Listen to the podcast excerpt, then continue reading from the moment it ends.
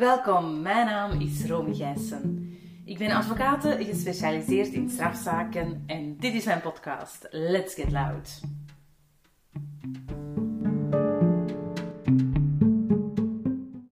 Hartelijk welkom bij de allereerste aflevering van mijn podcast Let's Get Loud. Ik ben enorm enthousiast om deze met jullie te delen. Uh, waarom een podcast? Wel, um, omdat ik enorme fan ben van dit medium. En omdat ik vind dat het toegankelijk is voor iedereen.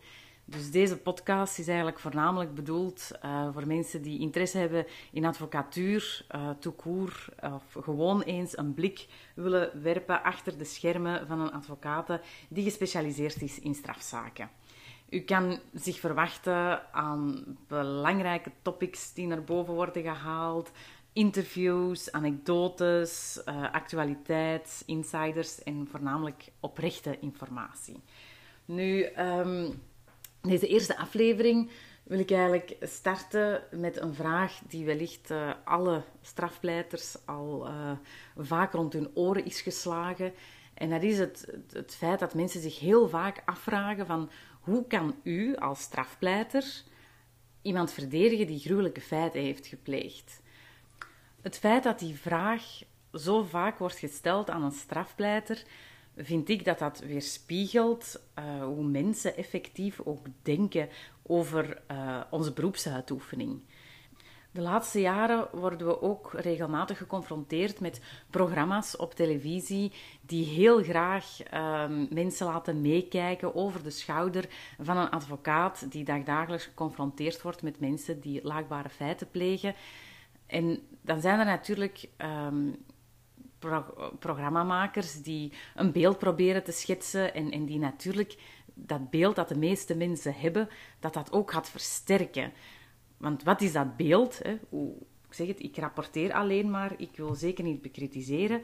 Maar veel mensen zien advocaten en dan meer specifiek strafpleiters als geldwolven die enkel en alleen uit zijn om een openbaar ministerie een veeg uit de pan te geven en ten volle te gaan voor een vrijspraak voor hun cliënt.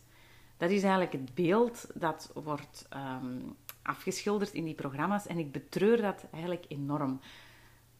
Nu, uh, misschien hebben jullie de um, reality-reeks gezien um, in Nederland, die daar op het net is verschenen bij um, Net 5.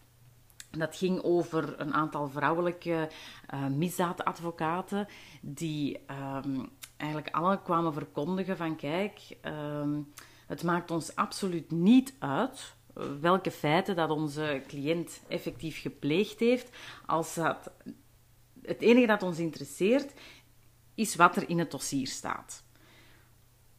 Voor de modale burger kan dat uiteraard heel cru overkomen, heel onmenselijk overkomen.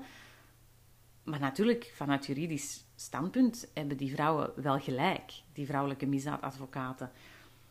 Het is zeer jammer dat die vrouwelijke misdaadadvocaten zich achteraf um, in bepaalde talkshows zich hebben moeten komen verantwoorden en verdedigen om eigenlijk de uitoefening van hun job kunnen dan de vraag stellen van goh, wie is hier schuldig aan dat uh, de beroepsuitoefening van, van een strafpleiter of van een misdaadadvocaat zo naar voren wordt geschoven.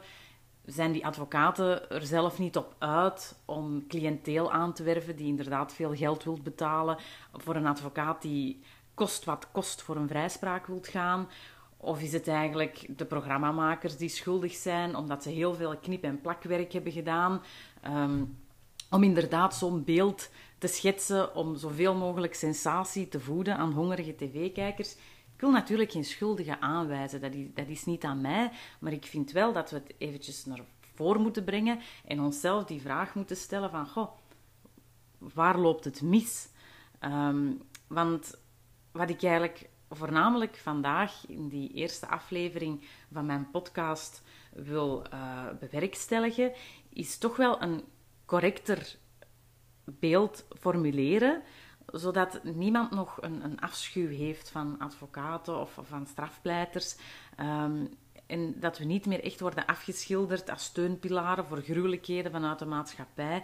Wij zijn echt niet um, mensen die, die aan de zijlijn staan te applaudisseren voor de feiten die, die een cliënt heeft gepleegd, of die uh, een, een vreugdedansje doen omdat we een vrijspraak hebben bekomen, ook al wisten we dat, dat een, een cliënt schuldig uh, zou zijn bevonden. Um, als we de procedure niet, procedurefouten niet zouden hebben uh, opgeworpen, dat is natuurlijk verkeerd. Dus ik, ik, probeer eventjes een correcter beeld naar voren te schuiven. En ik hoop uiteraard dat, dat, dat, dat ik daar ook in slaag. Nu, er is eigenlijk maar één grondslag die ik naar voren kan brengen. Um, waarom dat wij... Allez, waarom dat ik zelf als strafpleiter elke dag doe wat dat ik doe. En dat is het recht op een eerlijk proces. Iedereen heeft recht op een eerlijk proces. Um, dat is eigenlijk de beweegreden van onze beroepsuitoefening. Het is nooit de daad, maar wel de dader die vertegenwoordigd wordt. Uiteraard is het mijn taak om procedurefouten op te sporen. Indien ik dat niet zou doen, zou ik mijn job gewoonweg niet doen. De liggende gedachte is alleen dat ik dit doe omwille van het recht op een eerlijk proces te kunnen waarborgen voor mijn cliënt. Onze wetgever heeft heel duidelijke procedures uh, voorgeschreven, die dienen te worden gevolgd, ook door magistraten, onderzoekers, politiediensten, noem maar op. Ook deze mensen kunnen fouten maken. Dus ja, het, het, is natuurlijk aan een strafpleiter om een dossier te screenen en na te gaan in hoeverre de wet effectief correct is uh, toegepast. Ik wil jullie even een anekdote meegeven, ook wel om aan te tonen dat het toch wel niet zo evident is als vrouw om in het strafrecht te staan. Um, ik heb ooit een cliënt over de vloer gehad die zei van kijk, u bent mijn advocaat, ik betaal u, dus u zal ervoor moeten zorgen dat ik word vrijgesproken. Ik heb dan al mijn moed bijeengeraapt, want ik was toen nog jong en nog maar net um, gestart met een eigen kantoor. Ik heb toen gewoon die man de deur gewezen, omdat dat gewoon op die manier niet werkt is altijd een zeer belangrijke nuance die moet worden gemaakt, dat wij niet zomaar herkauwen wat een cliënt tegen ons zegt. Het denken in het belang van uw cliënt is nog altijd niet hetzelfde als dezelfde gedachtegang hebben als die cliënt. Na mijn studies um, als master in de rechten bent u uh, verplicht om u in te schrijven aan de balie en dient u drie jaren eh, stage te doorlopen. Ik heb dat uh, uiteraard ook doorlopen, die drie jaar stage. En ik weet nog zeer goed dat mijn patroon, die mij tijdens mijn stage diende te begeleiden, bij het begin van mijn carrière ooit zeer wijze woorden heeft meegegeven. Ze dragen trouwens de titel van deze eerste aflevering van mijn podcast. Als advocaat ben je de eerste rechter van uw cliënt. Ik vertrek werkelijk elke dag nog steeds naar mijn kantoor met deze uh, stelling in mijn gedachten. Mijn patroon heeft er echt altijd op gewezen en, en ook terecht van kijk, nooit tegen een dossier inpleiten. U moet altijd eerst volledig eerlijk zijn tegenover uw cliënt, moet bepaalde resultaten kunnen inschatten, want voluit voor een vrijspraak gaan, wanneer dit juridisch geen steek houdt, dat slaat natuurlijk nergens op. En beloftes maken aan een cliënt die u uiteindelijk niet kan waarmaken, zijn een volledige doodsteek uh, als advocaat. Ik wil wel eventjes dieper ingaan op dat recht op een eerlijk proces. Um, dat ja, heeft natuurlijk wel verschillende aspecten. En één aspect daarvan is dat um, een context zo belangrijk is. Want er is altijd een onderliggende beweegreden waarom bepaalde mensen bepaalde feiten plegen. Elk dossier is anders, elke dader is anders. Hoe feiten ontstaan, dat moet ook gehoord worden. Uh, de waarom-vraag moet beantwoord worden. Dat is natuurlijk heel belangrijk naar een strafmaat toe waar uiteindelijk dan een, een rechter uh, zal moeten over oordelen. In de wet is er een minimum en een maximum straf voorgeschreven voor uh, alle misdrijven. Nu, die marges zijn vaak zeer groot en dat is ook natuurlijk om de reden om een rechter uh, die flexibiliteit aan te meten, omdat nu net elk dossier zo anders is en elke dader ook zo anders is.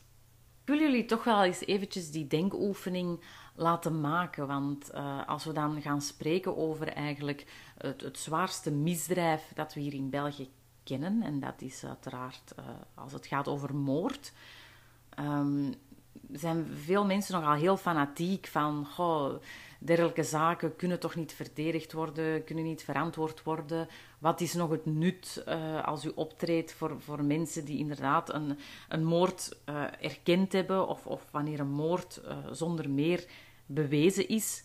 Wel, ik, ik ga met u eventjes de denkoefening doen. Um, u moet u voorstellen, um, zet twee verschillende profielen naast elkaar die eenzelfde daad hebben gepleegd. Stel, het eerste profiel is datgene van een huurmoordenaar die uh, om lucratieve redenen iemand heeft vermoord.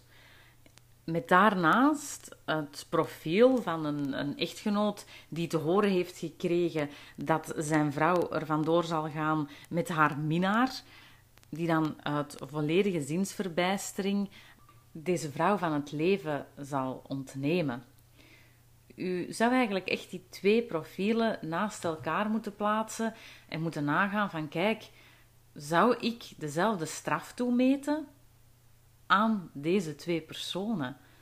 Stel uzelf die vraag. Dat is toch totaal een ander verhaal. Het is toch logisch dat daar een, een grotere marge uh, in weerhouden is en dat het toch ook cruciaal is om als advocaat, omwille van een eerlijke procesvoering, dat een context en een profiel naar voren wordt geschoven aan een jury of, of aan een rechter, om dan ook te kunnen oordelen ten gronde over die feiten en over de context waarin ze effectief hebben plaatsgevonden. Recht is nooit zwart-wit. Dat u ondertussen al wel zal begrijpen dat de perceptie van de publieke opinie dat een strafpleiter steeds gaat voor een milde straf of voor een vrijspraak, dat dat enorm cliché is. Of een cliënt nu schuldig is of onschuldig, of dat uh, hij vroeging heeft met de feiten en bekentenissen heeft afgelegd, een enorm schuldinzicht heeft, of een cliënt die de lippen stijf op elkaar houdt en zich blijft beroepen op zijn zwijgrecht, welke feiten er ook voor liggen, er is altijd een recht op een eerlijk proces. En dat is dat wij steeds dienen te waarborgen als strafpleiter. Daarom dat ik um, de slagzin die mijn patroon mij heeft meegegeven, dat die zo krachtig ook is en dat die eigenlijk um, de kritiek die ik toch wel enigszins wou uiten op het beeld dat altijd naar voren wordt geschoven van advocaten, wou ik jullie die meegeven in de hoop dat jullie inderdaad inzien van goed, een advocaat doet wat hij doet omwille van het feit dat de waarborg op een eerlijk proces zo cruciaal is en dat hij toch achter de schermen inderdaad probeert om in het belang van een cliënt objectief te durven kijken naar een dossier en advies te kunnen verlenen uh, om slaagkansen in te schatten om eigenlijk zo goed mogelijk ook het vertrouwen in te winnen van zijn cliënt. Want uiteindelijk is daarop ons mandaat als advocaat gebaseerd. Dit brengt mij tot het einde van deze eerste aflevering van mijn podcast Let's Get Loud.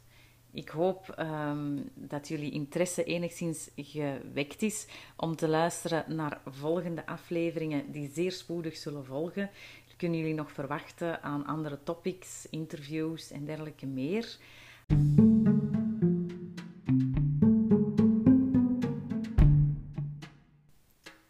Vond u deze aflevering interessant? Deel hem dan gerust met uw vrienden of collega's.